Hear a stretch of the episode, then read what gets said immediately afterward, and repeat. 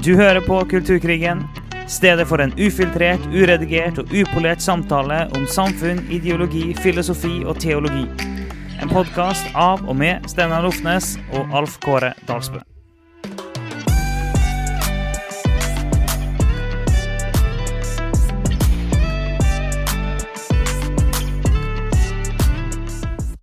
Hallo, hallo. Da er vi inne fra Kulturkrigen igjen. Og eh, nå skal vi ha vår første skal vi kalle det en samtale eller intervju. Det er iallfall første episode uten med noen andre da enn bare meg og Alf Kåre. Så det kommer vi til å gjøre litt av her og der framover. Så i dag skal vi snakke med Rikard Behari. Så eh, velkommen til Kulturkrigen, Rikard. Ja, tusen takk. Eh, Jeg må bare si her at eh, vi øvde på å si navnet rett. Eh, har Det var veldig mange som sier det feil, men du sa det rett, så det er veldig bra. Eh, men ja, det er veldig hyggelig å Ja. være her. Det er en god start. Det er en veldig god start. Nei, vi, skal, vi skal jo prøve oss da på um, i dag å være tre i dette formatet. Det er jo stort sett meg og Steinar. Men i dag så hanker vi en en til. Eh, og det er jo fordi at um, på et eller annet tidspunkt så oppdaga jeg og Steinar at det finnes en fyr der ute som òg har podkast. Som eh, faktisk har en podkast om eh, litt interessante tema. Og eh, så, så innså vi at han har faktisk podkast om en del av de samme tingene som vi har podkast om. Det, var det visste ikke jeg om før vi hadde starta. Så da tenkte vi at her må vi jo bare få til en prat. Yes. Så det er jo et Jeg vet ikke om det er liksom en økende segment, dette her, men altså kristne folk som snakker om kulturkrigstoff på norsk. Eh, men dette er jo veldig aktuelle ting. Eh, så derfor blir det litt spennende å høre, og kanskje få noen andre vinkler fra deg, eh, Rikard. Så jeg, vi kan kanskje bare begynne rett på. Altså, du har altså en Men, men vi, vi, vi, vi kan jo prøve vi, går alltid ekstremt rett på, da.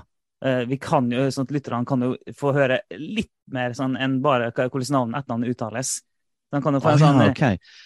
Du skal bli mer personlig i dag, Alf Kåre. Nei, Det hadde jeg- ikke sagt at vi jeg, jeg øver meg på å ikke gå så rett på sak her. Ja. Det, når Ja, vi har du en gjest, hørte liksom så alle, Du hørte alle som sa ja, men eh, nå, nå Steinar, nå er du for rett på sak. her. ja, ja. Ja, men det, det er greit, det. det er greit det. Vi kan være Ja, mer vi- personlige. Ja, vi, vi- må ha en liten en. Sånn, litt sånn eh, Hvem er du, hva gjør du, hvor bor du? Eh, et, en liten sånn en må vi ha, Rikard.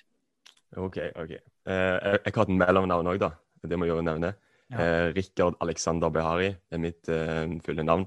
Personnummer det får vi ta en, en annen gang. Men eh, jeg, jeg bor på Kvernland, som er på litt sør for Stavanger. Jeg vokste opp i Sandnes, som er litt sør for Stavanger. Men det er ikke den samme plassen som Stavanger. bare så jeg vet det. Og så studerer jeg i Stavanger teologi. er på fjerde året. Det vil si første året på master. Vi får se litt hva, som, hva det blir av det. Om vi blir lærer eller noe annet. Eh, men ja, så har jeg vært kristen eh, i, eh, i noen år. Jeg har jo vokst opp i kristen familie egentlig, og alltid hatt en slags sånn kristen bekjennelse, men hadde en litt sånn omvendelseserfaring, da. Eller frelsesopplevelse når jeg var en sånn 17 år. Der jeg fikk se det at jeg er en synder som, som trenger å bli tilgitt, og jeg fikk se hva det innebærer å, å være, en, være en disippel, da. Ikke bare Mm. at man kaller seg kristen fordi det er så kult og eh, Mm. det, der, det er det jeg vil og sånn, men eh, at eh, det å være kristen faktisk innebærer å tro på, på Jesus og være at vi er avhengige av hans rettferdighet, og at vi er kalt inn i et nytt liv der vi ikke skal lenger leve eh, for oss sjøl, men, eh, men for, eh, for Gud. Ja. Så eh, det er, er meg. Det var jo helt nydelig. Jeg kjente jeg var skikkelig oppmuntra. Sånn, liksom, eh, godt gråbrød, evangeliet med en gang. Det er helt nydelig. Så, Men så, så da, så da Steinar, nå kan vi ta det videre. Ja. Nei, men nå, nå ble jo jeg litt, litt sånn her, nå ble jeg litt mer interessert i mer detaljer her. Så Sa du hvor gammel du var, Rikard? Jeg er 23 år. 23 år. Mm. Og jeg tenkte på det når du sa du hadde et sånt møte med Gud når du var 17. Så tenkte jeg, hvor Ja. mange år siden er det? Så du er 23 år. Så vi er Ja. jo gamle gubber, vi er iallfall Ja, vi jeg som er over 40. Ja. Mm. Jeg er Ja, født i men går, så, så kjekt. ja. Så, neimen, så bra. Og vi skal jo komme inn på temaet evangeliet eh, og sånn når vi hadde en liten eh, første prat bare for å bli bitte litt kjent for en måned siden eller sånn. Så kom vi jo veldig raskt inn i det som har med, med evangeliet å gjøre, som egentlig vi opplever at kjernen av dette her kulturkrigstoffet egentlig handler om evangeliet. Din podkast heter jo Fundament, så det går jo litt mer eh, rett på sak egentlig av det. Vi, mm. vi tråkker litt mer inn og sier det er kulturkrigen, men egentlig handler det om å forsvare evangeliet eh, mm. for oss òg. Det er på en måte vinkelen vår. Så, men siden du har vært inne i mye av samme tematikken i din podkast, eh, hva er grunnen til at du har engasjert deg i det? Hva er liksom Hvorfor disse, disse temaene? Ja, så det er viktig, da.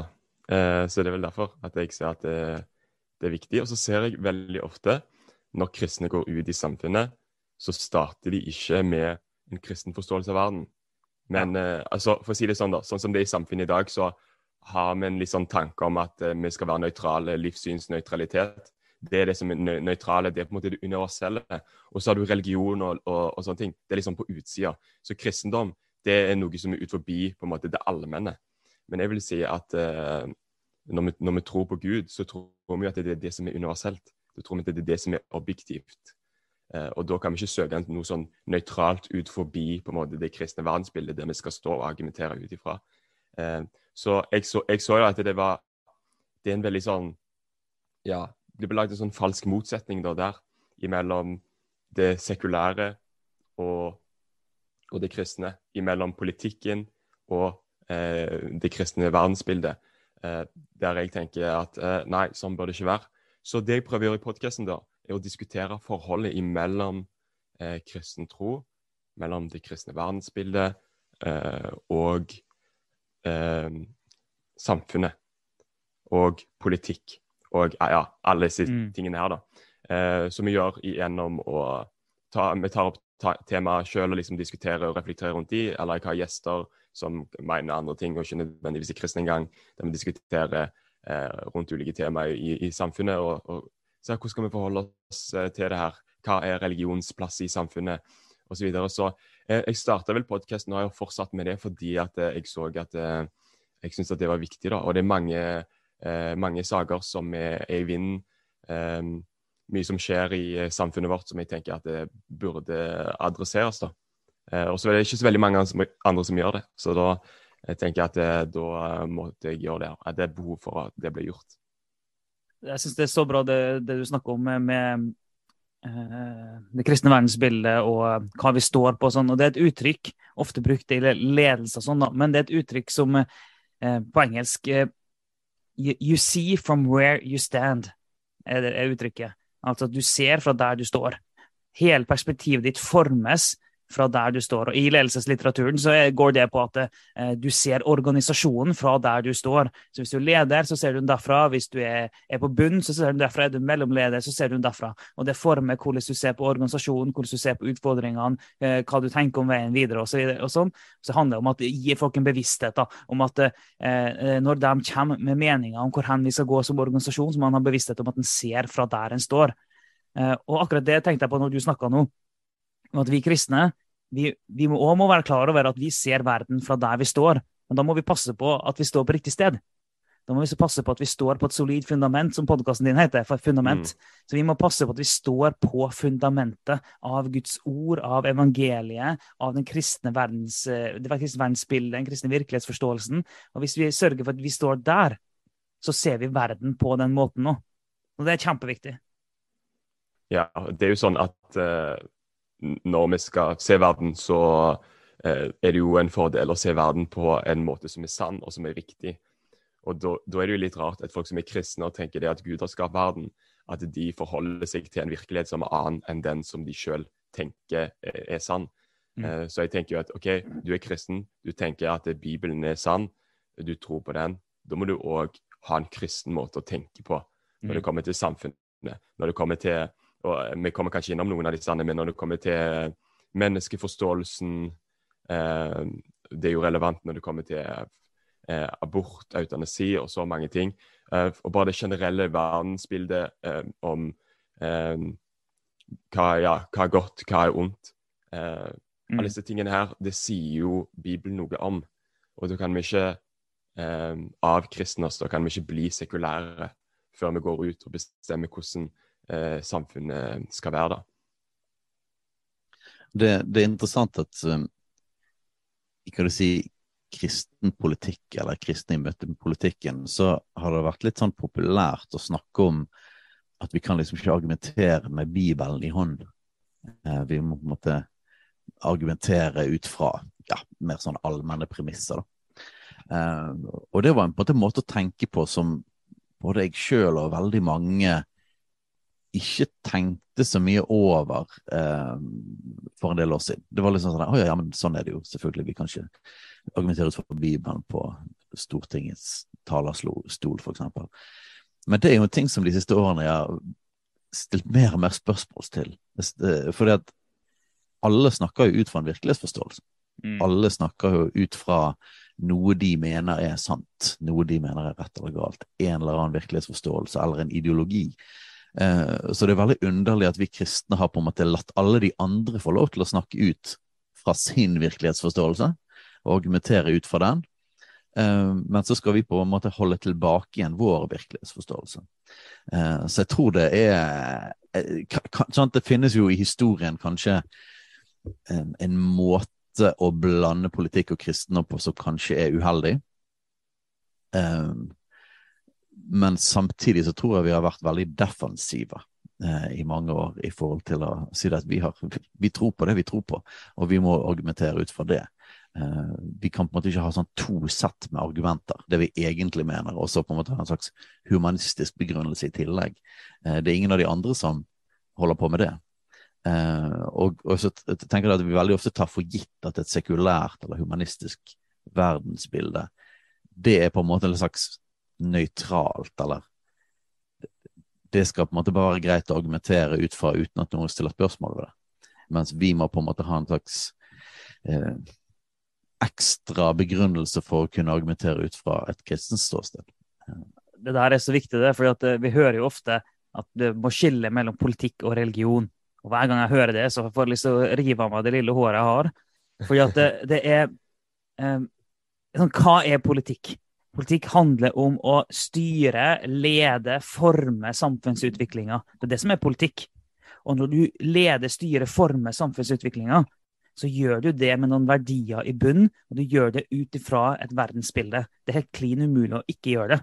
Alle gjør det.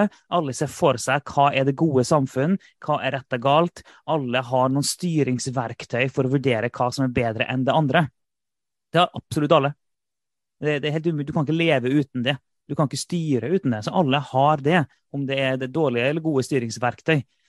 Så, eh, så da, eh, når en sier at du må skille politikk og religion, så sier en i praksis at eh, det er ikke lov å forme samfunnsutviklinga basert på religiøse verdier, bare i såkalt sekulære verdier. Det er egentlig en sånn håpløs tankegang. For at absolutt alle har et verdensbilde. Det har vi gjentatt til det kjedsommelige i det her podkastet. Egentlig absolutt alle har det. Så det å hevde at det ikke skal blandes, er egentlig helt absurd. Og det er en misforståelse av det her at alle ser verden fra et sted. Og det er faktisk det mest legitime av alle ting at du former politikk ut ifra der du står, ut ifra ditt fundament, ut ifra dine verdier. Så det å skille politikk og religion er like umulig som å skille eh, all annen eh, politikk og virkelighetsforståelse. Det blir som å si at du skal skille Arbeiderpartiet fra hele tanken om, eh, om arbeidsfolk. Sant? Og hele dens historie. Du skal skille, bare skille det ut. Sånt, sånt funker ikke i verden. Er, det er, like absurd som å si Nei, det er virkelig mer absurd å si at kristne skal skille ut, vil jeg påstå. Men likevel.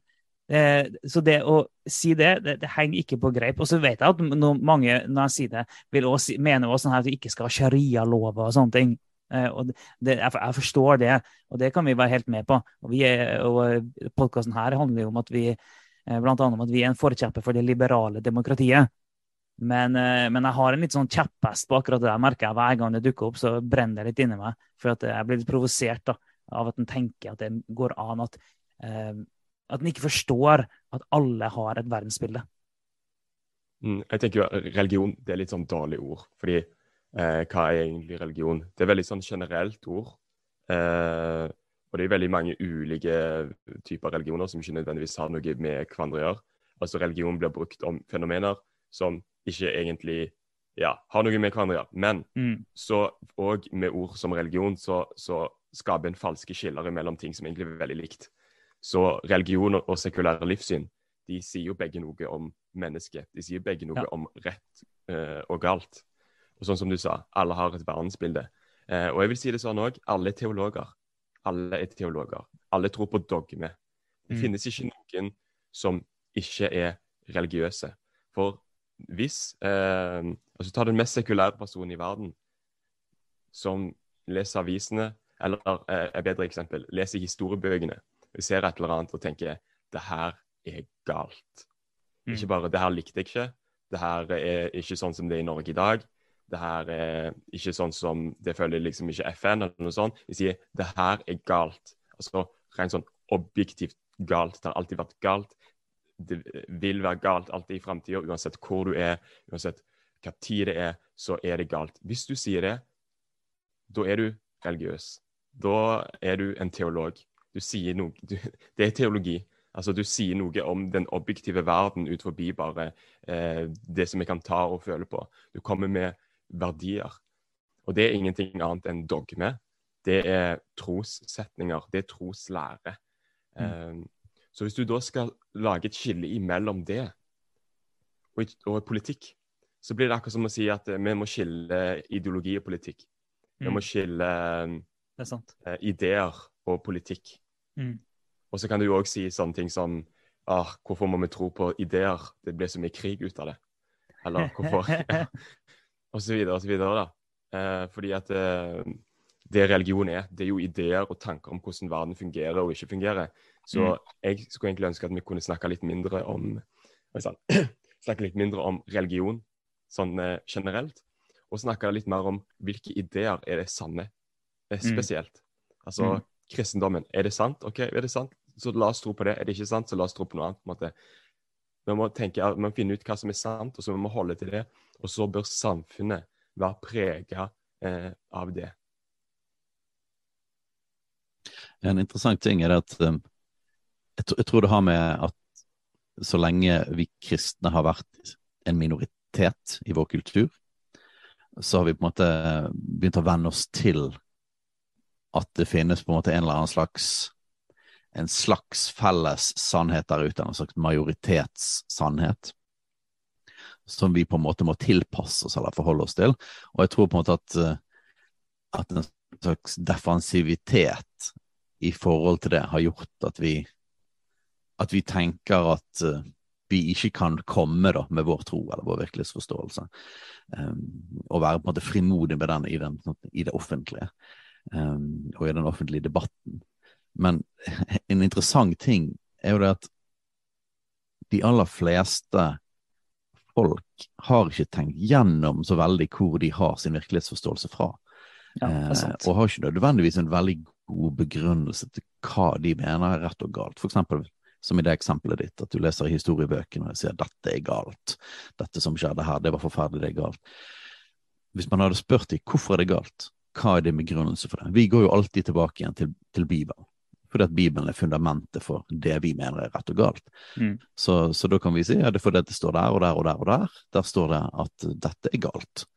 Eh, så det er vår begrunnelse. Så kan man jo si det at ja, men det er en gammel, en gammel bok, hvordan kan du tro på den som liksom objektiv sannhet? Vel, det, det, det kan du si, jeg har min grunn for det. Um, men det riktige spørsmålet er egentlig hvordan begrunner du hva som er rett og galt? Uh, hvor har du det fra? Ok, jeg har det fra en gammel bok. Eh, hvor plukker du det fra? Eh, og hva er din begrunnelse for at du kan bare hevde ting utrolig kraftig uten å i hele tatt ha et, et fundament for det du tror på? Og jeg, det, det, er mange som gjerne ikke er interessert i så veldig interessert i ideer, filosofi, ideologi. Men jeg tenker jo det at du har egentlig bare to alternativer. Enten så har du en virkelighetsforståelse som du er bevisst av, og du vet hvorfor du har den. Eller så har du en virkelighetsforståelse som kommer fra noen andre folk som har lagd noen ideer, som Mm. du bare er preget av. Mm. Eh, så enten er du en filosof i, i, i hermetegn, eller så er du bare preget av en filosofi. Eh, helt ubevisst. Så alle er preget av tanker. Um, og som en kristen, og det er jo noe av det, grunnlaget for både vår podkast og din podkast, er jo nettopp et eh, bevisstgjøring av det kristne fundamentet, den kristne virkelighetsforståelsen. Eh, hva faktisk, hva, hva, er det Bibelen sier? For det, at jeg, for det at vi registrerer det at det er veldig mange kristne som har begynt å bli mindre bevisst av å tenke ut fra en, en kristen virkelighetsforståelse, eller tenke kristent som et begrep som vi ofte bruker, eller har bibelske briller på seg. da. Jeg tenker på Når du sier både sånn, tenker kristen bibelske briller, og du snakker om at alle blir påvirka av ideer, det er jo grunnen til at vi bevisst lar oss påvirke av Bibelens ideer.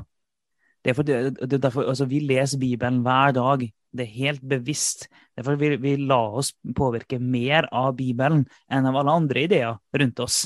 Og nå viser jeg her fram eh, min bibel. og Det er jo fordi at jeg leser den hver eneste dag. Og Noen ganger er det fantastisk, andre ganger merker jeg ingenting. Hvorfor leser jeg den hver dag? Jo, for den påvirker meg. Den former måten jeg tenker på. Og jeg vil at verden, mitt verdensbilde skal være så forma av Guds ord som bare mulig. For jeg vet at hvis jeg ikke gjør det, så blir mitt verdensbilde forma av andre ting. Og gjerne av ting jeg ikke har kontroll på, gjerne av ting jeg ikke er klar over. og Gjerne sånn at jeg ikke forstår hva det er som former mitt verdensbilde. Men leser jeg Bibelen hver eneste dag, så vet jeg at det er det her jeg blir forma av. Og det er kjempeviktig.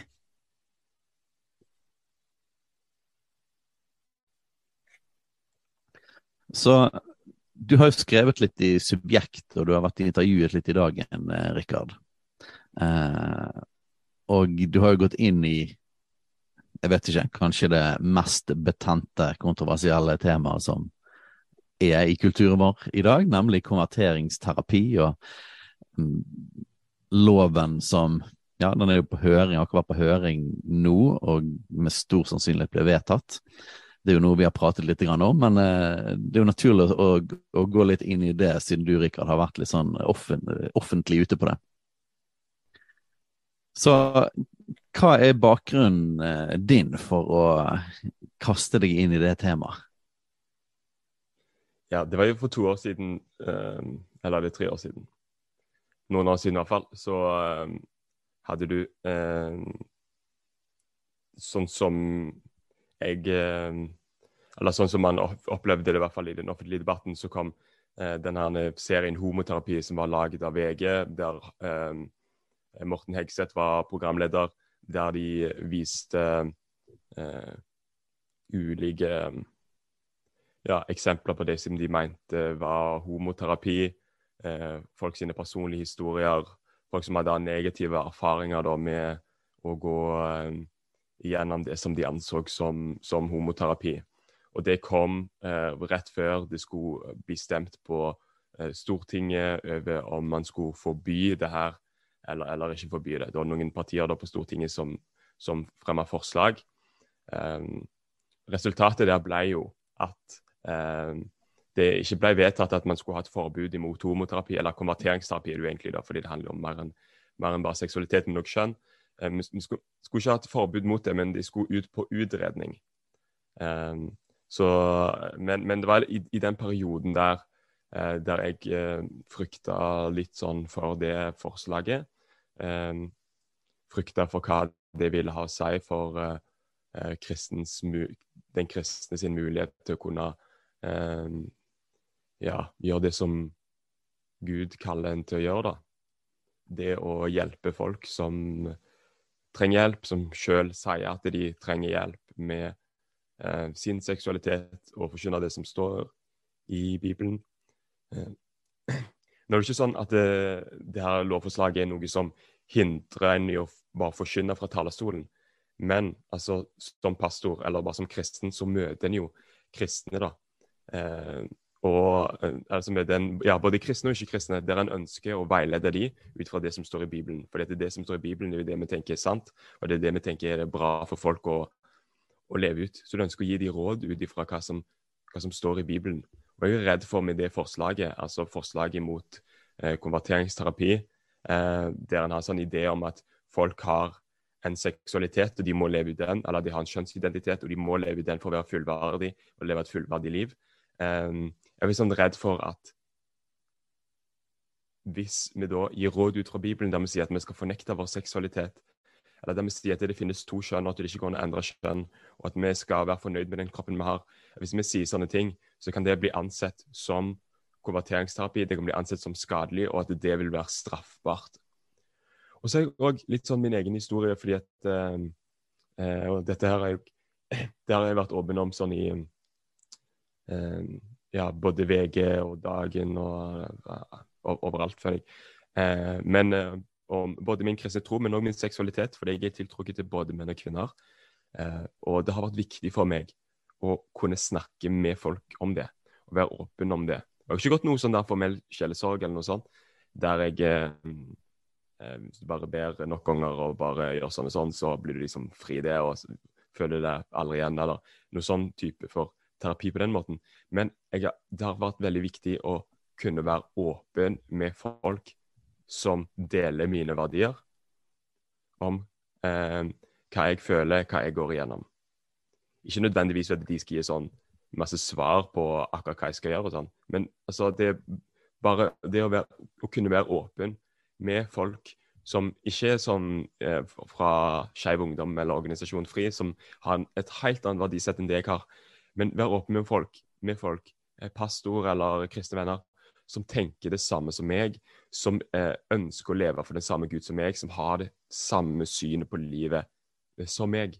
Det har vært eh, veldig viktig. Og jeg er litt sånn redd for med et sånn type forslag eh, at det sånt kan bli vanskelig, da. Og eh, altså, meg er jo én ting, men òg andre som er i min situasjon. At, være, at pastorer kan være redd for oss å, å, å si det som Bibelen sier, fordi de er redd for eh, at eh, kanskje at jeg blir anmeldt nå. Og at det resultatet da vil være at folk i min situasjon blir isolert. Og at de sitter alene og bærer på ting som er, er vanskelig. Og at eh, det som Bibelen sier, og de, de gode rådene er, som vi har der, og som jeg mener er bra for mennesket Jeg mener jo at Gud har skapt oss for en hensikt, og det er bra for oss å leve i tråd med den. Det er meningsfylt. Og, og Hvis vi har da et, en, en lov som hindrer folk i å gi råd ut fra Bibelen som er bra, så er jo det noe som hindrer folk å faktisk leve det, Gud, leve det livet som Gud har, har kalt dem til å, å, leve. Så det er litt sånn ut ifra det at jeg har um, Jeg husker nesten ikke hva spørsmålet var lenger. Men det er sånn ut ifra det at jeg har um, tenkt at det her er en viktig sak da, å, å engasjere seg i. Jeg nesten mistet stemmen her, men det går bra. Det, det, er utrolig mange sider av det som nå mest sannsynlig blir en ganske streng lov. Eh, det er utrolig mange sider av den vi kunne gått, gått inn på. Vi har, vi har i mm. tidligere episode gått inn på en del ut fra et intervju med Trettebergstuen i dagen, som, der vi snakket en del om dette med identitet og Bibelens definisjon av identitet og det å bli endret og hvem man er og de tingene. Men en, en interessant ting i forhold til det du sa, er jo er jo dette med om man er en kristen som sjøl ønsker samtaler, så blir jo det jo problematisert i denne her loven. Um, og når Tettebergstuen ble spurt veldig direkte om det, så lå det jo lå det i hennes virkelighetsforståelse at hun tvilte på at individer egentlig hadde en egeninteresse eh, i å få en, sånne samtaler, eller på en måte si hjelp. Da. Um, og på en jeg peke veldig raskt på det at dette her kommer fra et ytre press. Det kommer fra forkynnelsen, eller det kommer fra et miljø og den måten man tenker på i, i det miljøet, og at det blir veldig vanskelig å det blir veldig vanskelig for hun å på en måte anerkjenne at dette er faktisk ditt ønske. At det er du mm. som vil det. Så, så det blir en sånn interessant ting da, når du på en måte er litt sånn personlig i det og sier at dette er noe jeg ønsker. Jeg har lyst til å snakke med noen som har min virkelighetsforståelse.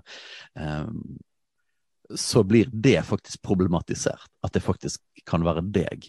Altså Kulturministeren sa jo rett ut at uh, jeg anerkjenner ikke den frivilligheten, sa hun. Det hun mente var at jeg anerkjenner ikke at det er et eget, selvstendig, fritt valg at en person går til en sånn samtale.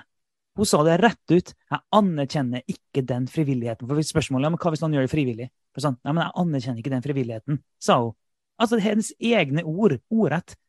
Og, og, det er jo for og, I hennes virkelighetsforståelse, og ikke bare hun, men hele pride-bevegelsen og sånn, så er det jo det at eh, sex, eh, seksualitet og sex er identitet. Så, eh, så hvis du, eh, hvis du eh, vil regulere det, eller, gjør, eller, endre på det, eller under, eh, styre det på et vis, ja, da må du endre din identitet, om du undertrykker din eh, identitet osv. Men det er, det, det, er helt, det er ikke en kristen forståelse av hva, hvem en er, og identitet og individet, og at en setter likhetstegn mellom seksualitet og identitet. Så, så hva tenker du, Rikard, i forhold til denne spørsmålsstillingen til at dette faktisk kan være ditt eget initiativ eller ditt eget ønske. Det har vært litt sant å høre dine tanker om. Ja, du, jeg hørte bare halvparten av det du sa der. Det har datt litt ut. Spørsmålet. Nei, det, nei, det hadde vært interessant å, å, høre litt dine tanker om, om dette, at det blir stilt spørsmål til at, at, det faktisk kan være ditt eget ønske. At dette må på en eller annen måte være et eller annet press eh, fra noen andre. Ja, det, det sier jo litt om eh, Trettebergstuen her sin eh, virkelighetsforståelse, som akkurat ble sagt her. da. Eh, hennes menneskeforståelse. For sånn som man tenker i dag rundt seksualitet, er det at eh, seksualiteten ens er eh, en ja, grunnleggende del av hvem en er. Altså, som også ble sagt, er det del av ens identitet. Så hvis vi tenker legning, da, sier man er homofil, eller man er bifil, eller man er Det finnes så mange nå at det eh, kan bruke hele podkasten på å nevne alle. Men si, at man er en av de, så kan det kun leve ut ditt fulle potensial gjennom å omfavne det som den du er, og leve det ut. Si at dette her er bra. På ingen måte fornekte, fornekte det. For da er du imot deg sjøl. Du må omfavne det som det her er meg, det er den jeg er. Alle burde feire dette, alle burde godta dette. Jeg skal godta det sjøl.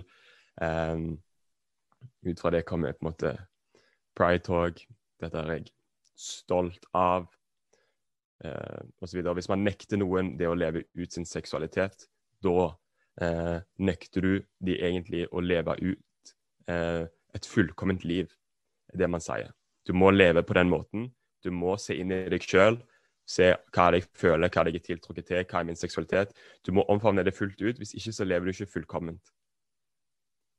Mm. Eh, så det jeg tror Trettebergstuen da mener, er jo at når det er folk da som eh, tilsynelatende frivillig sier at de ønsker å fornekte sin seksualitet eller endre den, så er ikke det noe som kan komme ut fra de. For i de, altså, de vil jo bare være seg sjøl. Det må være sosialt utenifra. Eh, problemet med det, da, vil jeg si, er jo at eh, hun som eh, jo vil påstå at religions- og ytringsfrihet og sånn er viktig, eh, og at eh, skeive skal få lov til å være seg sjøl, helt glemmer det at eh, folk med én type seksualitet, altså folk som er tiltrukket samme kjønn, f.eks., de har jo helt ulike De kan jo ha helt ulik polit politiske syn, helt ulike ideologier de holder til, helt ulike religion, helt ulike livssyn. Og de har en ulik forståelse av òg det her med seksualitet. Så eh, jeg, da, selv om jeg er tiltrukket til både eh, menn og kvinner, har jo veldig lite til felles med organisasjonen FRI, som da på en måte skal være min interesseorganisasjon. Det handler om at, eh, jeg, at seksualitet er ikke det som bestemmer hva slags ideer som man eh, lever etter, hva slags verdier som en ser på som meningsfulle og, og omfavner. Mm. Og min forståelse av mennesket, da, som jo kommer ut fra Bibelen, det er det at eh, det er ikke alt i mennesket som er bra, at vi ikke kan se inn i oss sjøl og se der og på en måte finne eh, hvordan en burde leve. Fordi at i oss sjøl, som jeg sa, ikke alt er bra. Derfor er standarden gitt i Bibelen, altså ut forbi oss sjøl. Og vi er kalt til å omfavne det vi er kalt til å jage etter det. Altså med tillit gjennom Jesus og får del i det på den måten, det er veldig viktig. Eh, men vi er kalt til å omfavne, omfavne det og fornekte oss sjøl. Eh, leve etter de verdiene som er bra, og når det oppleves som vanskelig. Altså ikke bare når jeg føler for det. At hva jeg innerst inne lengter etter alltid skal være det som er på en måte standarden. Men eh, Gud har skapt verden, han bestemmer hva som er godt. Eh, det som han elsker, det er det som er meningsfylt, og vi skal jage til det. Om det er lett, eh, eller om det noen gang kan være, eh, være vanskelig. Men selv om det kan være vanskelig, så lever vi likevel fullkomne liv. Det er et verdig liv. Vi lever ut vårt fulle potensial gjennom å leve det livet Gud har skapt oss eh, til å leve. Og jeg har valgt det her frivillig. Altså, Jeg tror jo Gud har virka i meg og alt det der, men eh, jeg har med min vilje valgt at det her er det livet jeg ønsker å leve. Jeg finner det meningsfullt å leve etter de verdiene som står i Bibelen. Jeg finner det meningsfullt å fornekte min seksualitet. Eh, det er frivillig. Så når Trettebakkstuen sier at det er egentlig ikke er frivillig, at det er kun et resultat av f.eks. sosialt press, da, det som betinger frivillighet, eh, så, så, vil jeg si at du egentlig umyndiggjør en god del mennesker. da. Eh, fordi at alle mennesker selvfølgelig får jo sine ideer av en blanding av å reflektere sjøl og være en del av et miljø som mener li lignende ting. Heldigvis så er det jo ikke sånn at noe menneske eh, altså For da hadde det blitt fullt kaos hvis alle mennesker helt sånn isolert sett skulle finne sine egne verdier skilt fra alle andre. Altså Det gjør vi jo, det gjør ikke Trettebergstuen heller, det gjør det ikke Arbeiderpartiet. I Arbeiderpartiet så er, er, de ganske enige om ganske mange ting. Og det er jo fordi at eh, man blir påvirka av folk rundt en, og så tenker han òg sjøl. Og jeg òg, med min seksualitet, og andre, de har evne til å kunne tenke sjøl og bruke den hjernen som de er gitt, til å avgjøre eh, hva slags type verdier de tenker er, er, er, gode, eller hva slags eh, verdensbilde en ønsker å omfavne og, og, og, tro på.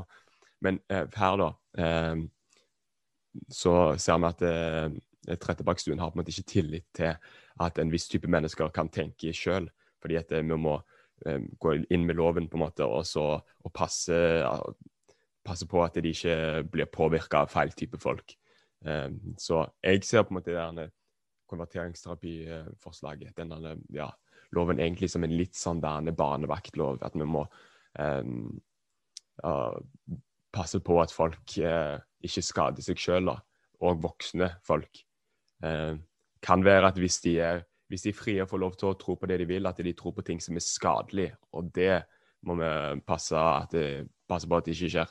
Um, så ja, Trettebakkstuen blir på en måte barnevakta for uh, uh, frie individ.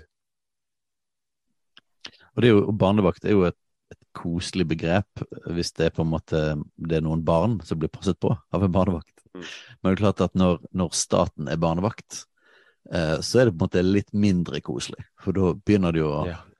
lukte av, av, noe som er autoritært. Eh, det som skulle på en måte være frie, voksne individer da, i, et, i, et, samfunn med trosfrihet. Det betyr å få lov til å ha sin virkelighetsforståelse. Alle kan få lov til å ha sin virkelighetsforståelse uten at staten skal gripe inn og si at dette får ikke du lov til å tro på. Eh, så denne loven handler liksom ikke bare om selve saken konverteringsterapi, det handler jo egentlig om en Man går langt på vei å kriminalisere en virkelighetsforståelse, uh, og, og menneskers uh, At mennesker får lov til å tro på det og handle på det. og det er jo litt, det er litt skummelt, fordi at man går lenger da enn man har pleid å gjøre i ja. liberalt demokrati. Mm. Ja, han gjør det. Uh, og, og, så er det jo litt sånn eh, De er ikke konsekvent heller. Fordi de aller fleste uh, styrer og til en viss grad undertrykker, om du å bruke det ordet, sin egen seksualitet. Alle gjør det til en viss grad. Det er ingen som lever ut sin seksualitet fullt og fritt. For det som det, det, det defineres som, er jo alt det du føler. Eh, heldigvis, ja. Mm. Men sånn, Heldigvis, eh, ja. Eh, sånn, det snakkes jo om at sånn, du må omfavne det du føler, og den du er, og du må leve det ut. Men det er jo ikke sånn vi lever, og folk mener det jo egentlig ikke. Og det er litt sånn, For å ta et banalt eksempel. ok, Jeg er gift med Ellen, og det har jeg tenkt å være resten av livet. Det betyr ikke at jeg ikke kan bli tiltrukket av andre damer. Hvis jeg skal leve ut min seksualitet, at det er min identitet, ja, så er jeg en kåt mann full av testosteron. Og da, hvis jeg skal leve det ut, ja, da må jo jeg ha sex med så mange som mulig. Da må jo jeg ha sex eh, jeg, jeg, Da må jeg bare finne flere å ha sex med, da må jeg være utro, da. Hvis jeg skal omfavne min seksualitet, ja, da må jeg være utro. Men det er jo ikke det. Det, det mener de jo ikke. Så de mener jo at det er riktig at jeg undertrykker, styrer, former min seksualitet innenfor noen rammer. Det mener de er riktig. Yes, og da innenfor rammer som vi igjen tar fra Bibelen. Ja. Og som de nok ikke har en begrunnelse for hvorfor de fortsatt tror på. Mm. De fleste i Norge ville sagt at nei, vi vil mene at hvis du er gift, så vil det være galt og mot, iallfall hvis du tar mot den andres vilje, eh, har sex med en annen person. Og så blir spørsmålet da, hvorfor er det galt? Vel, vi kan begrunne det med Bibelen. Mm. Men til og med om vi mener at det er galt, da. Okay, det, det, det er stor allmenn enighet som stort sett i befolkningen om at det er galt, men jeg mener likevel ikke at det skal være ulovlig rent juridisk å være utro. Det mener en ikke. Mm. Mm. Men plutselig, hvis noen eh, har andre meninger når det gjelder eh, eh, homofili, bifil osv., trans Hvis noen har andre meninger om det, er de meningene og, og mener at det er galt, det skal være ulovlig. Å jobbe med, for å endre noe der, det skal være ulovlig. Men du kan være utro så mye du vil, selv om jeg mener at det er galt. Ja, det er akkurat som man, man klarer ikke helt også å se det at det går faktisk an å tenke det at no, det noen andre gjør, er, er galt eller umoralsk, eller har verdier som en ønsker å leve etter sjøl, og ønsker å oppfordre andre til å leve etter, samtidig som en har en toleranse, ikke for den type aktivitet, men for det at mennesker som tenker på en annen måte enn en sjøl, lever de livene som de ønsker å leve.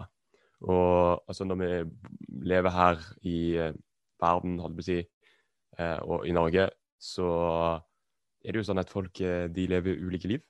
Så du kan ha en nabo som har helt andre verdier enn det du sjøl har. Eh, men eh, man, det går an å være hyggelig med hverandre og være venner og ha dem på besøk for det. på måte. Fordi at det går an å sette et skille imellom eh, Eller du kan, du kan være både toler, ha toleranse på den ene siden, samtidig som du opprettholder at du har noen verdier du ønsker å leve etter. Eh, men det virker som om eh, i, i dag så, så klarer man ikke å, å skille de, de to. da. Man klarer ikke å forholde seg til mennesker som har eh, sånn andre typer verdier. Det er noe som en er nødt til å sanksjonere, det er noe en er nødt til å få, å, å få vekk. da. Og man klarer heller ikke, og det syns jeg er interessant, fordi eh, jeg vil jo si at i et samfunn der vi mange, mener mye ulike, mange ulike ting, der vi har ytrings- og religionsfred, så vil det ha noen, noen negative utfall. Folk vil tro på ideer som er skadelige for seg selv og for samfunnet. Eh, folk er kommunister, som jeg pleier å tulle med noen ganger. Og det tenker jeg er skadelig og ikke bra, da, men vi tillater at folk er det. Um, og ta konverteringsterapi, da. Noen går frivillig til det, det som i dag anses som konverteringsterapi. Eller de går til noen for å snakke om sin seksualitet. Noen vil si at det er skadelig. Men da tenker jeg OK uh, Er det sånn at alt som kan være skadelig, at det skal forbys? Blir ikke det litt utopisk? Det vil, jeg vil si det er veldig utopisk å tenke det. At uh, Ja, man har nesten en sånn tanke om at uh, alle negative utfall, altså med negativ i samfunnet, alle negative konsekvenser, det er et bevis på at vi ikke gjør nok politisk. Så hvis noen ut ifra sin frihet tror på verdier som viser seg å ikke være så veldig positivt for de, så ser vi på det som et sånn bevis på at og nå har vi, som, nå har staten gjort noe galt, fordi de har tillatt at disse herne gjør det her. Men jeg vil si at det her er ikke en perfekt verden. Eh, mennesker kan av ulike grunner ha negative erfaringer med ulike ting, der vi ikke kan gå inn og, og, og overregulere på en måte, og, og presse ned det. Eh, vi kan ikke forvente en perfekt verden. Og hvis vi gjør det, så eh, har vi nødt til å bruke ganske mye makt da, fra staten for å trykke ned alt som kan gi negativt eh, utfall. Og da tror vi ikke lenger på eh, ytringsfrihet og religionsfrihet. Så det syns jeg er veldig interessant. og Jeg har skrevet en artikkel i Subjekt som heter eh, 'Forbud mot konverteringsterapi er illiberalt'. Jeg syns det er veldig sånn eh, rart at de som sier at de er liberale, er så illiberale på akkurat det her. da. At Mm. de ikke har toleranse for det at folk eh, skal få lov til å leve sine egne liv og gjøre det som de ønsker. Eh, Og at selv om det har noen negative utfall, så er det sånn at Eller kan ha det. Jeg mener ikke at det alltid har det, jeg mener det kan ha det, og har vist seg å ha det i, i noen tilfeller. Noen som har negative erfaringer med det her. Altså Selv om at det kan ha det, så må vi tillate det fordi at det, rent prinsipielt fordi at vi tror på frihet. Det burde de si. Men uh, det viser jo at de ikke er så liberale, da, egentlig, som kanskje utgir seg for å være.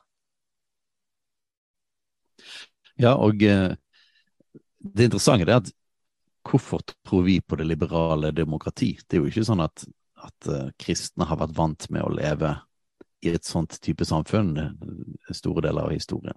Og det er jo på en måte relativt nytt uh, å, mm. å, leve i et så fritt samfunn som vi har, og det er vi utrolig takknemlige for. Uh, vi må ikke ta det for gitt, men jeg tenker jo at til og med, til og med verdiene toleranse, religionsfrihet, meningsfrihet faktisk kommer fra evangeliet, det òg. Det vil si at eh, den kristne tro mener helt bestemt at noe er sant, noe er rett og galt, noe er skadelig, noe er ikke skadelig. Men vi tvinger ikke folk.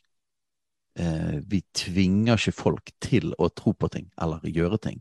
Eh, Jesus gikk aldri med makt inn og bestemte hva folk skulle gjøre eller skulle tro. Eh, så evangeliet i seg sjøl har denne her friheten til at du kan faktisk få lov til å gjøre destruktive ting.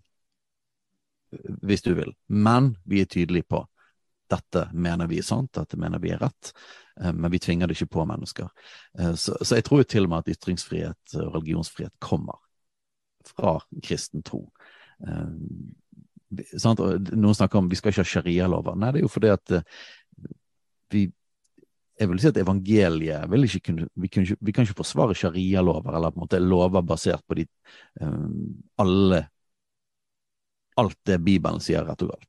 Så kan vi lage på en måte et, et autoritært system der alle skal følge absolutt alle disse tingene, ned til f.eks. Jesus snakker jo om hva vi tenker. Um, mm.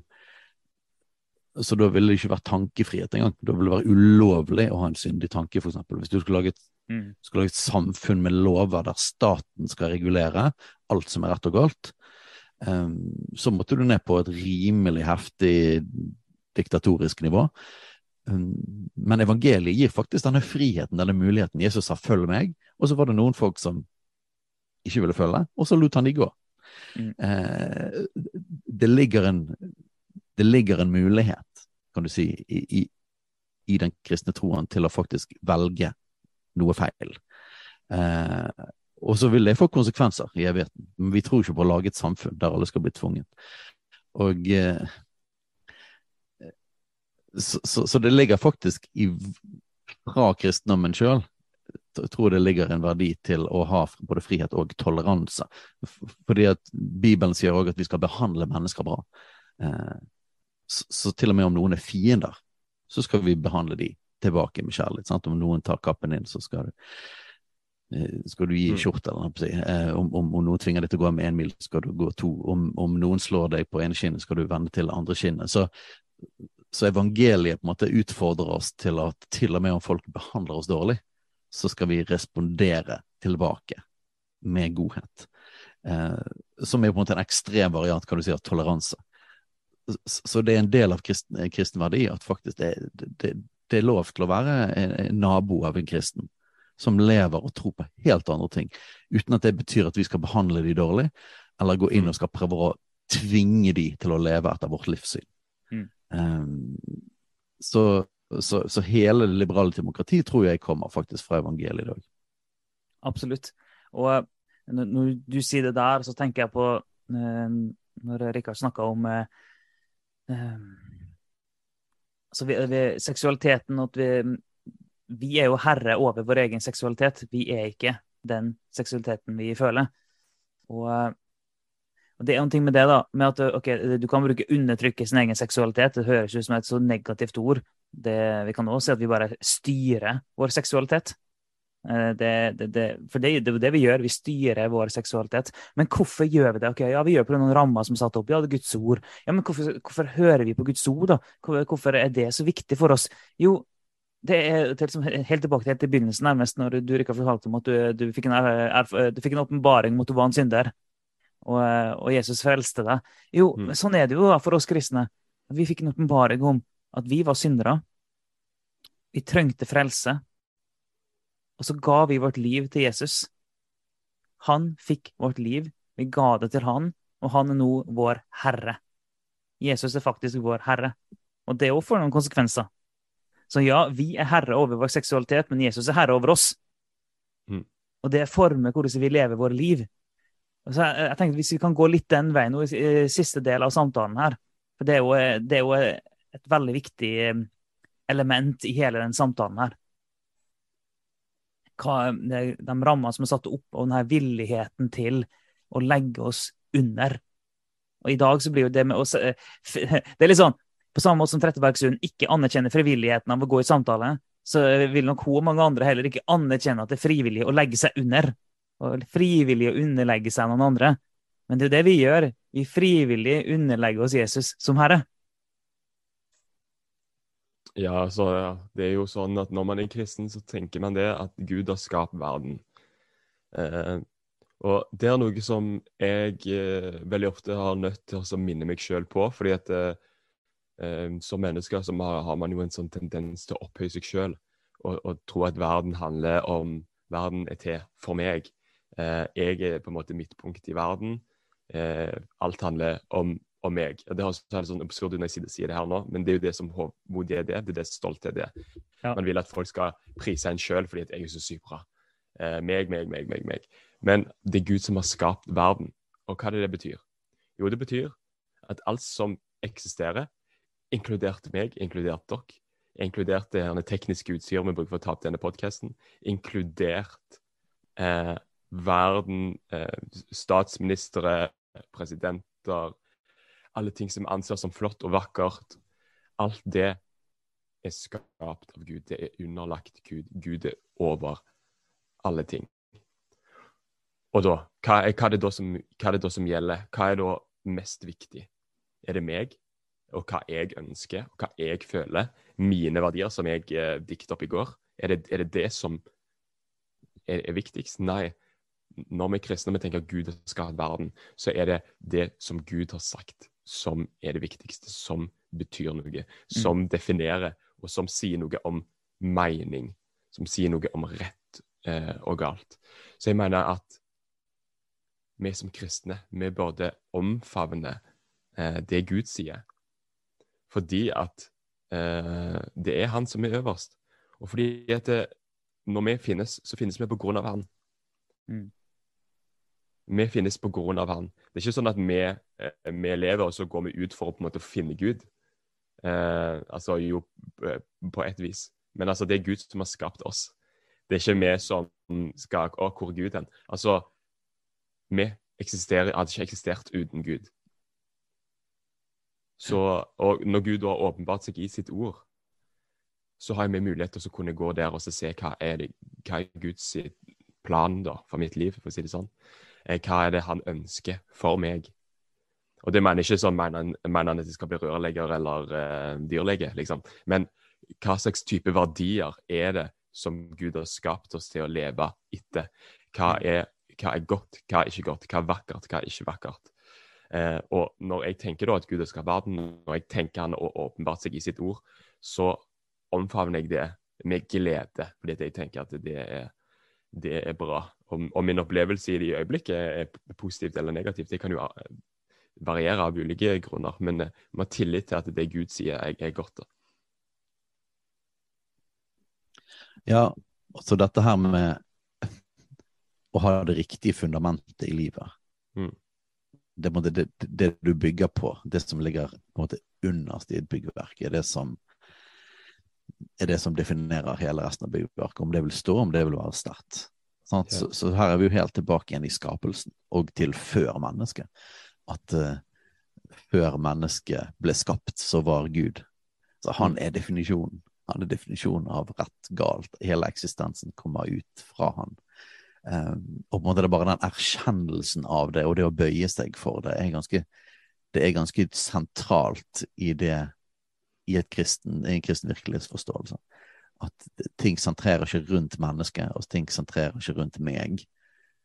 Men Gud er faktisk han alt startet med. Jeg husker det var en sånn paneldebattsamtale på en eller annen kristen ungdomsleir jeg var på. Og så var det en som eh, ville stille meg til veggs på at um, på noen skriftsteder fra Gamletestamentet, fra noen kriger og litt forskjellig. Og så leste han opp fra, fra FNs menne, menneskerettigheter. Eh, og så sa han at her bryter jo Gud menneskerettighetene. Her, her, går jo Gud imot FN. Og så skulle jeg svare på det. Og så husker jeg det bare det, treffer akkurat det som du er inne på her, Rikard. Det er bare sånn Vel, altså Nå er ikke det sånn at på en måte FN står over Gud. Eh, vi, som kristen så må vi begynne med hva er det som ligger i fundamentet? Hva er det som er overalt? Hva som var, var, var, før alt? Og det er Gud. Eh, vi er skapningen, eh, ikke skaperen.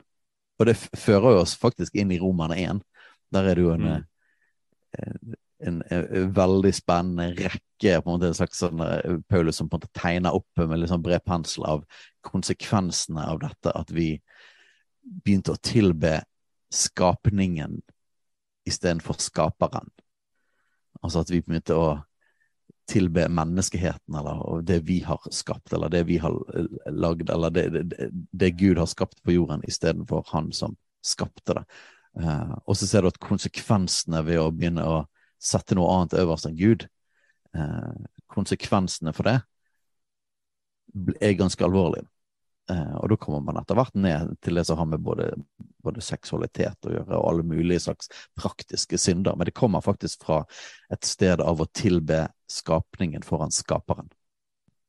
Ja, det gjør det. Og jeg tenker på eh, eh Kristne kan være uenige i eh, en del ting. I en del teologiske spørsmål. En kan tolke Bibelen på ulike måter. Så mener vi selvfølgelig at det finnes grenser for hvor ulikt en kan tolke det. Men det er klart, kristne kan tolke Guds ord annerledes. Men før en helt tatt har kommet til diskusjonen om tolkning, så må han snakke om bibelsyn. Hva er Bibelen? Er Bibelen faktisk Guds ord, og er Jesus faktisk herre i livet? Altså før, før en berører tolkningsspørsmålet, så må han eh, lande det først. For det er ikke vits i å begynne å tolke Bibelen hvis, hvis, hvis, hvis ikke Jesus er herre, og hvis ikke Bibelen er Guds ord og har autoritet i våre liv. Hvis ikke det er på plass som nummer én fra starten av, så er det ikke vits å gå videre til et tolkningsspørsmål, for da har det ingenting å si. Har, uansett hva han tolker seg fram til, så har det ingen autoritet. For, da, for hvis en sjøl er herre i livet, hvis Bibelen ikke har autoritet. Så som kristne så må vi holde fast på det, om at Bibelen er vårt fundament, og Jesus er vår herre. Og deretter så kan vi snakke om og diskutere ulike teologiske spørsmål. Det er helt greit. Ja, det er jo uh, i, i disse spørsmålene der, så når um, Som jeg snakka om, da, f.eks. med ja, seksualitet og sånn, så kan du se veldig tydelig at de som ja. Jeg var på en konferanse den helga, hadde du så, sovet lite, sånn, så da uh, jeg meg. så uh, Men hva var det jeg sa? Jo, de, de, som er progressive når det kommer til seksualitet og sånn, som òg gjerne har en kristen bekjennelse, de du kan se på uh, uh, det, ja, det alle de har til felles, er at de har òg et uh, sånn progressivt syn på Bibelen, kan du si. De, mm. de, sier ikke at Bibelen er sann, men de sier sånne ting som at den Bibelen inneholder sannhet. Ja. ja. Det er noe sannhet der, eller det er ikke alt som er i Bibelen som er sant. Uh, jeg, jeg, sa, jeg, sa, at jeg trodde på Skriften alene, eller sola scriptura, eh, i, eh, og at jeg trodde at Bibelen var sann, og at, det, at man må tenke det. For hvis ikke, så eh, Hvem skal da avgjøre hva som er sant? Altså, Da er det mm. bare hver mann har sin egen sannhet, og, og alt, alt, blir relativt. Du kan bare si at det er sant, men du må sjøl liksom, ut ifra deg sjøl velge hva som ja, deg og dine tanker velger hva som er bra. Da eh, eh, ja, når jeg sa det, så fikk jeg høre det av en lærer på skolen der jeg går. Jeg studerer teologi. Jeg fikk høre at det, det, du sier, er radikalt. og det, ja, det, jeg vil si det er radikalt, men det, det, er det vi må tro, da. for at vi faktisk skal ha en åpenbaring. For hvis det er sånn at ikke, ikke er Bibelen sann, men den bare inneholder sannhet litt her og der, men ikke der, men, men kanskje der, da OK, hva, hvordan avgjør vi da hva det er i Bibelen som er sant, og hva som ikke? Ja, ja. Da er vi nødt til å ha en standard over Bibelen, som vi Mm. dømmer Bibelen ut ifra. Mm. Og hvem er den standarden? Jo, det blir meg. Ja. Og, og er det da en åpenbaring, hvis det er jeg som bestemmer hva som er sant, og hva som ikke er sant? Jeg vil si at Da er det ingen åpenbaring. Da er det jo ikke Gud som har skapt oss i, i, i, i, eh, i sitt bilde. Men da blir det kanskje heller vi som skaper, skaper Gud i vårt bilde.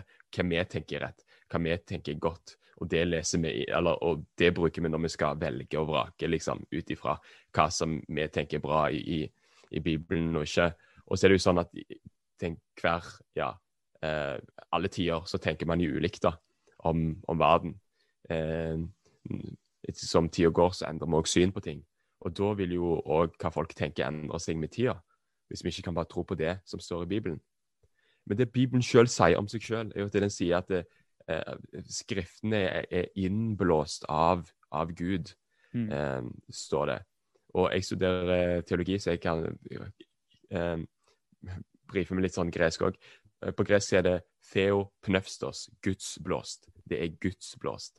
Eh, noen ganger snakker vi om Bibelens inspirasjon, men det er det mener, det, dette er det de mener, da. Eh, eller det her det kommer fra. Det er gudsblåst fra Gud. Og, og et annet sted så står det at eh, drevet av Den hellige ånd talte mennesker ord ifra Gud. Eh, og da vil jo jeg si at eh, hvis det er ord fra Gud, da er det sant. Så det er mitt syn på Bibelen. Bibelen er sann. Og jeg tenker at det er helt nødvendig for at en skal kunne få noe ut av den. For hvis ikke, så kunne vi bare Ja, hvis det er en sjøl som avgjør hva i Bibelen som er sant, hvorfor trenger du i hele tatt Bibelen da, hvis du visste det fra før av? på en måte? Ja, og jeg tenker på eh, Veldig forenkla så kan en jo, eh, kan en jo si på en måte at det er veldig overordna forenkla, så har du tre ulike bibelsyn. Du kan tenke at Bibelen er fullstendig feilfri i absolutt alt. Absolutt alle detaljer som står der, er helt korrekt. Mhm. Eh, Det er en måte å tenke. Det er liksom feilfrihetssynet. Og så går det an å tenke at Bibelen er sann og rett i hele sin intensjon. Eh, Men Mm. om det var 90 000 eller 100 000 i det slaget, det kan eh, variere. Så sånne detaljer er ikke nødvendigvis helt riktige, men i sin intensjon så er Bibelen sann. Mm. Um, og så har du at eh, et, et verbalig menneskes vitnesbyrd om Guds åpenbaring. som Du, eh, altså, du sa det med at okay, Guds åpenbaring finnes inni Bibelen, og så er det vi mennesker som må finne den. Mens i de Mm. to, i de to første synene så er det sånn ok, enten om du, tenker at Bibelen er 100% korrekt i alle sine detaljer, eller om Ja. du tenker at Bibelen er 100% korrekt og sann i sin intensjon. Eh, Mm. De som forfekter det bibelsynet, de eh, holder seg som regel til ganske klassisk kristendom. Ja. Men i det øyeblikket en begynner å forfekte det tredje, om at Guds åpenbaring finnes inni der, men, men det er ikke sånn at hele Bibelen er Guds ord. Og dermed implisitt vi må avgjøre hva det er som er Guds åpenbaring. Den som har Mm. det bibelsynet.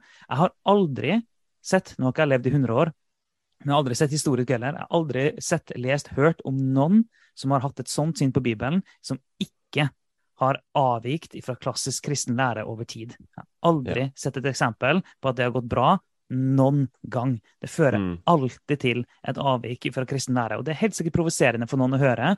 Det er helt sikkert provoserende for noen som har mer liberal teologi, når vi sier at, at de ikke er bibeltro. For de vil si at jo, men vi er bibeltro. Men, det sånn, men er Bibelen autoritet i, i ditt liv? Er Jesus herre i ditt liv? Og jeg vil faktisk tørre å påstå at for veldig, veldig mange så kan de ikke svare ja på det spørsmålet. Ja, det er de sjøl som er herre, hvis det er de sjøl som bestemmer hva som er, Mm. hva som er rett og hva som er, bra. Eh, men altså, jeg kan jo si det her, da, når det kommer til ufeilbarlighet og alt det her, at eh, selvfølgelig når vi leser Bibelen, så har vi jo, må vi lese den eh, som med annen eh, litteratur i lys av den sjangeren det er skrevet i.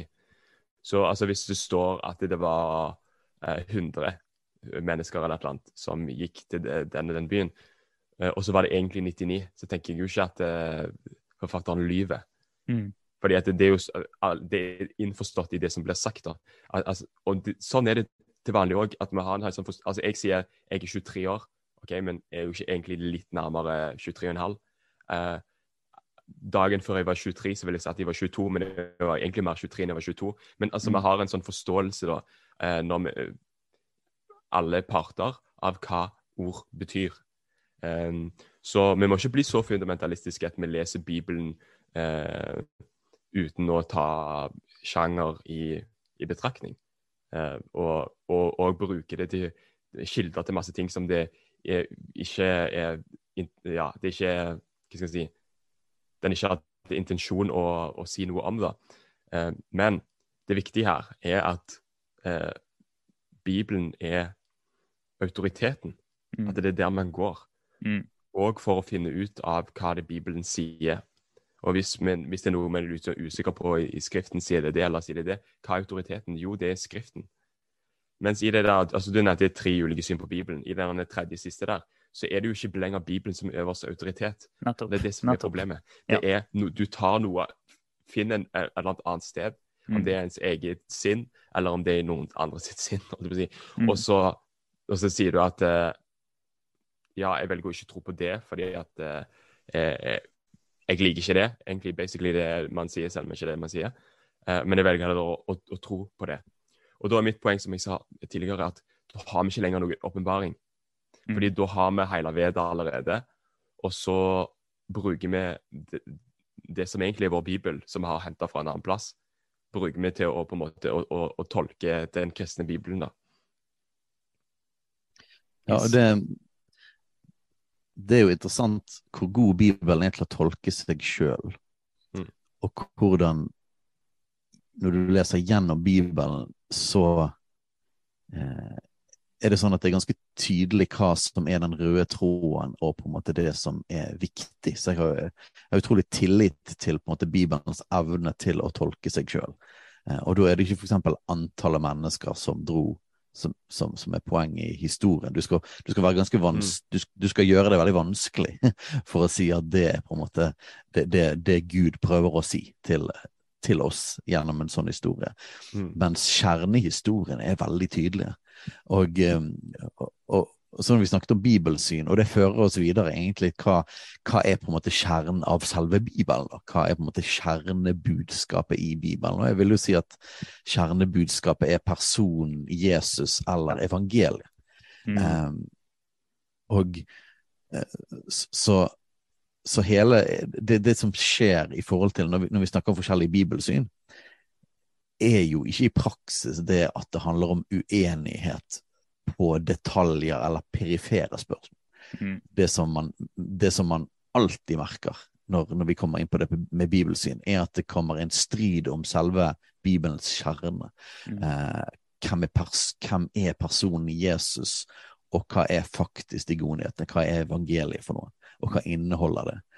Eh, så alle disse her Noen, noen tenker sånn at at det at eksempel i denne podkasten at vi går inn i masse sånne kontroversielle samfunnsspørsmål, og vi snakker om filosofi, og vi snakker om forskjellige ideologier, at, at det er litt sånn her på siden av ting. Altså hvorfor, hvorfor snakker dere om det, og ikke på en måte bare om Jesus og evangeliet? Eh, Vi vil jo påstå at, at dette faktisk er et forsvar av evangeliet. Det er derfor vi Mm. snakker om det. Mm. Fordi at, fordi at forståelsen av evangeliet blir angrepet i kristen setting. Og disse enkeltspørsmålene som kommer opp sant? Nå har vi vært inne i konverteringstabi og sant? eh, seksualitet og homofili og de ting. Egentlig så er ikke det på en måte De spørsmålene i seg sjøl er på en måte ikke hovedpoenget vårt. Eh, Men de spørsmålene de peker på, som vi har sagt, bibelsyn, forståelse av hvem Gud er, men det peker på evangeliet. Eh, og, og det er alvorlig for oss, når man begynner å, å, å endre på evangeliet. Um, så, så hva er liksom, hva er evangeliets kjerne? og hva Paulus sier at han forsvarer han satt å være å forsvare evangeliet. Uh, så, så hva er det som blir angrepet, f.eks. når det kommer til seksualitet? Uh, hva er det som blir angrepet i evangeliet, når, uh, når folk sier at f.eks. at det er greit å leve ut eh, i homofil praksis? Hva er det som egentlig blir angrepet? Vi, jeg tror jo at det kommer tilbake til hele forståelsen av synd, og hva korset er, og hva det er å være en etterfølger av Jesus. Mm. Så det er på en måte helt sånne sentrale ting. Eh, så bibelsynet på en måte Det er ikke først og fremst på en måte liksom eh, Noas ark, liksom, eller eh, eller hvor lenge var det jødene var i Babylon, eller på måte Det er sånne type spørsmål som gjør at det er viktig for oss å snakke om bibelsyn. Men det er rett og slett hva er den røde tråden i Bibelen? Eh, og det tror vi at det er personen Jesus evangeliet. Og, og synd er ekstremt sentralt. Jeg har forkynt en del i det siste i menigheten hos oss om, uh, ut fra Romerne 3, det at ved loven kommer erkjennelse av synd. Uh, og sagt det litt sånn uh, greit, for evangeliet betyr gode nyheter. Det det betyr det på gresk. Mm. Og at skal, skal, vi forstå evangeliet, skal vi, skal, vi, forstå de gode nyhetene, så må vi òg forstå de dårlige nyhetene. Vi må høre de dårlige nyhetene før vi kan høre de gode nyhetene. For uten at vi snakker om synd, eh, så gir ikke korset mening. Uten at vi snakker om synd eh, og omvendelse, så, så, så, kan vi ikke snakke om det om å være en kristen, hvordan du blir en kristen, og hvordan du følger Jesus. Så, så alle disse etiske spørsmålene trykker egentlig rett inn i kjernen mm. av hva hele den kristne tro handler om, eh, nemlig det Jesus gjorde på korset. Eh, og, og, og for, tar vi det feil, da mister vi jo hele evangeliet. Da er det jo en vrang forkynnelse av evangeliet. Altså Da er det det Bibelen kaller vranglære. Eh, og det er ganske alvorlig. Så, så, så, jeg sier alt dette her for å la oss snakke litt om det med evangeliet. da. For det kan være virkelig sånn obskurt for folk å snakke om bibelsyn, og det blir sånn langt der ute. Men nei, dette er ikke langt der ute-greier. Dette er faktisk helt sånn i kjernen av Jesus' etterfølgelse og forståelsen av hva evangeliet er for noe. Mm. Vi, vi, skal forkynne syndenes tilgivelse, ikke syndenes tillatelse, som Jeg vet ikke hvem som sa det, men jeg tenker, jeg eh, tenker, det er veldig viktig, da. Fordi hva er det Gud har kalt oss inn til eh, når Jesus kom for å dø? Hvorfor kom han for å dø? Mm. Er det altså, tilgivelse? Det er veldig, veldig viktig, det at vi er tilgitt. Eh, nåde er veldig viktig. Men nåde handler mer om bare at eh, nå er du, når du er tilgitt, så nå skal du ikke bli straffa, på en måte. Frelsen handler jo om at mennesket som var skilt ifra Gud på grunn av sin synd, nå skal komme tilbake igjen til Gud. Det er det jeg tenker definisjonen av evangeliet er. Det er det, det, altså evangeliet er budskapet om hva Gud gjorde for å få menneskeheten som var vekke fra han, tilbake igjen til han. Og Veldig sentralt for det er jo Jesus døde på korset for å tilgi oss.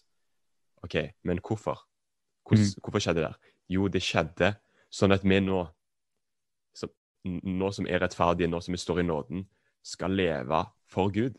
Skal ha Jesus som Herre. Derfor ser du veldig ofte tro og omvendelse eh, blir forkynt som nesten én og samme ting. Dåp òg noen ganger. Ja, det er sant. Så, sant. Man, skal, man, man, man, kommer, man kommer til tro, og så er det forventa at det er en respons.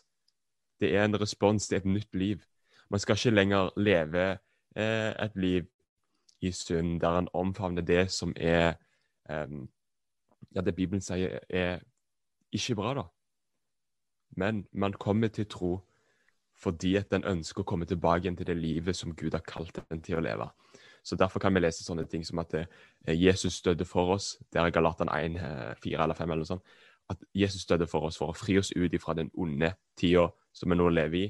I Titus også, så står det noe lignende om at, vi, eh, at Jesus døde for at vi skulle bli folk som nå, gjorde, nå gjør gode gjerninger.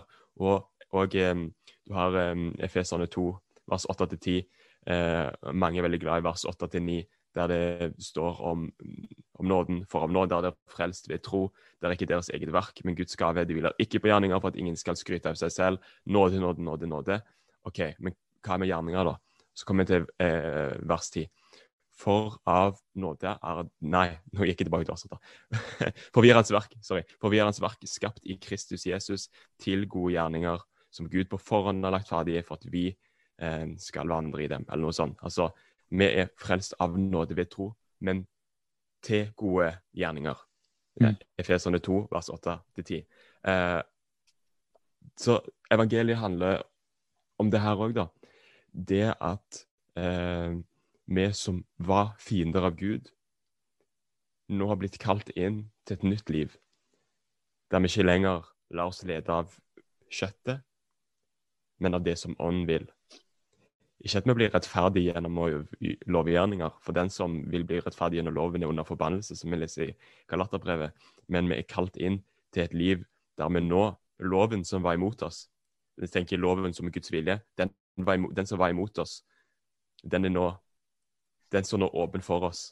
Og vi kan mm. leve etter den fordi at vi ikke blir rettferdige ved, ved han, men vi har blitt rettferdige gjennom Jesus. Og nå kalt inn til et nytt liv der vi nå kan følge loven.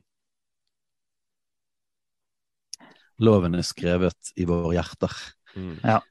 Altså, det står flere profetier i Det gamle testamentet om den nye pakt, eller om måtte, hva som skjer gjennom evangeliet. Og mm. eh, en av bildene er jo dette at Gud bytter ut, tar ut steinhjertet og gir oss et kjøtthjerte. Ja. Så det skjer en indre forvandling, da. Når vi tar det vi ikke kunne gjøre i vår egen kraft, eh, nemlig følge Hans bud. Eh, og når vi da loven kom, så gir det oss en erkjennelse av synd. Altså det, det, gjør at vi skjønner at vi kan ikke bli rettferdig gjennom våre egne gjerninger. Og så tar det oss til Jesus. Eh, det gjør at vi ser at Jesus er løsningen. Han døde for våre synder. Eh, gjennom han kan det bli rettferdig. Men når vi erkjenner vår synd og vender om, overgir oss til han og sier at du er nå min herre, jeg gir deg det, det går ikke an å bare gi han vår synd, vi må òg gi han hele vårt liv. Så du, ja, ja. du, kan liksom ikke kun gi synden, og så får du tilgivelse for det, men så beholder jeg sjøl resten av livet mitt og på en måte min bestemmelsesrett. Du må på en måte gi hele pakken. Det, det er min mm. synd og hele mitt liv, og, og eh, at jeg bestemmer over mitt liv. Så her har du alt sammen. Det betyr at jeg får tilgivelse, men det betyr at jeg òg får en ny herre. Men så skjer det jo en indre en hjertetransplantasjon. Mm. At det som vi ikke kunne gjøre gjennom våre egne gjerninger, gjennom vårt eget strev eller prøve å holde loven, gjennom Hans nåde, så tok han faktisk ut eh, og forandret hjertet vårt. Det betyr ikke at vi ikke kan synde nå, eh, eller må kjempe imot lysten til å synde, men det gjør at det er en indre drivkraft til at vi ønsker. Mm. Eh, så, så, han Så istedenfor at vi, vi, vi, står her og i vår egen kraft skal måtte følge hans bud, eller følge hans lov, så har han gjort noe på innsiden som gjør at vi ønsker å følge ham. Så trenger vi å leve i hans tilgivelse, hans nåde. Vi trenger å leve i kampen da, mellom fristelsen til synd og det å velge han på nytt og på nytt og på nytt og på nytt eh, gjennom livet vårt. Men det har, det har, skjedd, det har skjedd, noe på innsiden, som, som du siterte fra, fra um, Efeserne. Mm. At ved nåde er vi frelst, men så har, vi, har han lagt foran oss gode gjerninger som vi faktisk kan leve inn i. Så det er et nytt liv da, med Jesus som Herre. Det er det. En ekstremt ja, sentral del av evangeliet. Ja, og vi snakker, og du snakker om det med sånt, vi velger, vi ønsker osv. Og, så og det er jo noe, når vi snakker om Jesus som Herre Det kan høres voldsomt ut. Eh, nå mener jeg at Det er viktig at vi snakker litt sånn nå, for Jesus er faktisk Herre, og han er faktisk eh, eh herre over hele universet. Det må, ikke, det, det må, alltid være en del av vår tankegang, men det er jo ut ifra en takknemlighet til hva han har gjort for oss, at vi vil at han skal være vår herre. Vi vil tilby han, vi elsker han, vi er takknemlige, vi gir tilbake, for han har gitt oss alt. Det, er jo, sånn, det Evangeliet er jo at han ga sitt liv for oss, sånn at vi kan leve. Og det er vi evig takknemlige for. Så det er ikke bare sånn Eh, hardt, vanskelig valg om at Jesus er min herre, og jeg skal følge han. Det er noe jeg vil, noe jeg ønsker. Det kommer ut av en kjærlighet og takknemlighet til han, det han har gjort, og den han er. Og han er en god herre, ikke minst. Sant? Ja, en ting som, eh, en ting som jeg har eh, uh, lært eh, av det, det, er en forkynner som heter John Piper, jeg vet ikke om dere har hørt om han. Men jeg, altså, jeg har ikke kun hørt det fra han, men òg andre han, han snakker om glede veldig mye. Og det at vi skal finne ens glede i Gud. Han har en bok som heter 'Desiring God', mm. der, han, der, der, han snakker om det her. At mennesker de finner alltid glede i noe. Altså, og det en finner glede i, det er på en måte ens Gud. Ja. Og uh, lovprisning, det er jo at en finner glede i en Ja, finner glede i noe, og, så, og derfor lovpriser alle. Men vi er kalt til å finne vår glede i Gud. Mm. At vi skal være glad. Han, han snakker om eh, eh, engelsk ord 'pleasure'. Eh, nytelse. Mm. Det, det, er noe, det, er noe, godt. Det, ikke, eh, det å være glad og, og, og, og nytelse er ikke, det er ikke en dårlig ting, men spørsmålet er hva er det en finner ens glede i. Og vi skal finne glede i Gud, fordi at han er over alle ting. Og det leve for han skal være meningsfullt. Noen ganger så eh, er det jo eh, Kan det jo være vanskelig og hardt. Og jeg tenker på eh, altså disse her som har lidd martyrdøden, sant? blitt saget Ja. i to. Hvor, hvor var gleden der? Gled, gleden var i det at de levde for Gud. Mm. De, de hadde aldri holdt ut det hvis de ikke hadde funnet det meningsfullt å gjøre det. Um, så det tenker jeg er det, det er noe av det viktige her, at eh, Gud er øverst. Eh, og det å leve for Han, det vil alltid være meningsfullt, selv om det, eh, om det er lett eller vanskelig. Men jeg tenkte også på en annen ting, og det var eh, det er, altså, når, når Jesus er Herre, når vi nå tror på Gud, så har det òg nødt til å forme måten en tenker på. Så jeg tenker også det, det å tenke kristen verden er òg en del av det å ha Jesus som herre. Ja. Mm. Og selvfølgelig, når, det er, når ting er litt mer sånn perifert, altså når det er lang avstand ifra eh, Lang avstand som i mange ulike resonnementer fra eh, de kristne verdiene til på en måte hvordan det skal være politisk. F.eks. oljeboring i Lofoten. Er det vi for eller imot det? Ok, men vi kan, vi kan si noe generelt om kristen, den kristnes forvalterskap over naturen og sånn. Men altså, det er et stykke fra det å si vi skal ikke ha oljeboring i Lofoten. Mm. Så på sånne ting så mener altså, Vi kan mene noe om det, men vi må være litt mer sånn ydmyk. At det går an å tenke ulikt om disse tingene. Ja. Men noen ting er litt nærmere de kristne verdiene enn andre ting. F.eks. abort. Mm. Er, det, er det rett eller er det galt? Mm. Bibelen sier at eh, Ut fra Bibelen skal vi si at det er galt. Ut fra den kristne menneskeforståelsen. Det er veldig nært det som står i Bibelen. Det er veldig nært eh, Jesus, eh, veldig nært Gud, veldig nært Guds vilje. Eh, så når Jesus er herre, så kan vi ikke samtidig si at eh, vi er for abort. Og, og, og jeg vil òg si hvordan abortloven skal se ut, om det skal være forbudt eller ikke, og jeg er ganske nært der. Ja. Em, og så når vi da er kristne og har Jesus som herre, så må vi tenke hva er det Gud sier om mennesket, hva er det Gud sier om verden.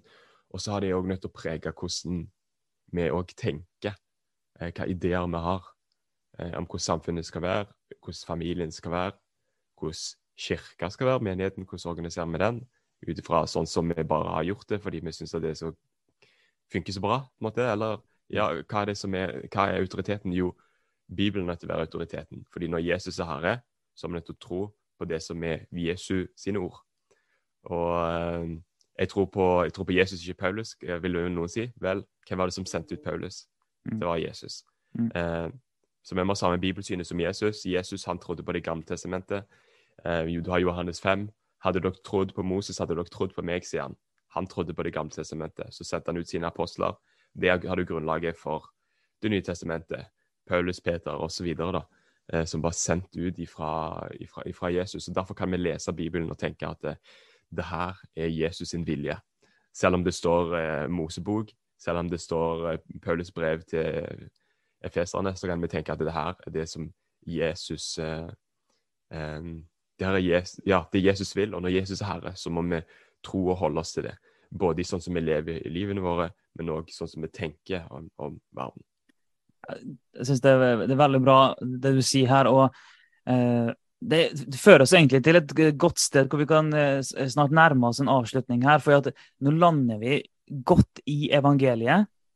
Og du snakker om at nettopp det at vi lander godt i evangeliet, det former hvordan vi tenker. Og det er en sånn god oppsummering av ting vi har snakket om hele denne praten her. Og det at vi lander såpass solid i evangeliet, er deilig. Jeg blir, blir skikkelig oppmuntra av det hele. Det, og, og så den konklusjonen med at Og det former hvordan vi tenker. Jeg syns det, det er et veldig godt sted å avslutte her. Det, hvis vi begynner å åpne mange andre dører nå, så holder vi på en time til. Ja. ja, men eh, utrolig, utrolig kjekt å snakke med deg, Rikard. Og og forfriskende å få høre eh, noen andre vinkler og sånt. Eh, Nå kan jeg si at, eh, at vi lever alle sammen i et lite ekkokammer, men ekkokammeret er litt større da, med, men bare meg og Alf Kåre. men eh, eh, veldig kjekt å høre både litt av din historie og dine perspektiver inn i dette. Utrolig relevant, tror jeg, for, eh, for alle som hører på vår podkast. Det er det. Tusen takk, ja. Veldig hyggelig å bli invitert. Ja, Det blir ikke siste gang, og eh, vi anbefaler det, den som hører på oss, om bare søk opp Fundament, så kan du høre podkasten til Rikard. Jeg Tenker vi, Mm, Jeg kan vi, si det at det, det gis ut på noe som heter Teologitavla. Og Der er det enda mer, så det er bare litt sånn reklame hvis det er lov. Ja, kjør på. Teologitavla, Kjempebra. fundament, masse Mm. godt stoff. Anbefaler folk å sjekke ut det. Tenker vi at eh, det er det vi har å si denne uka her.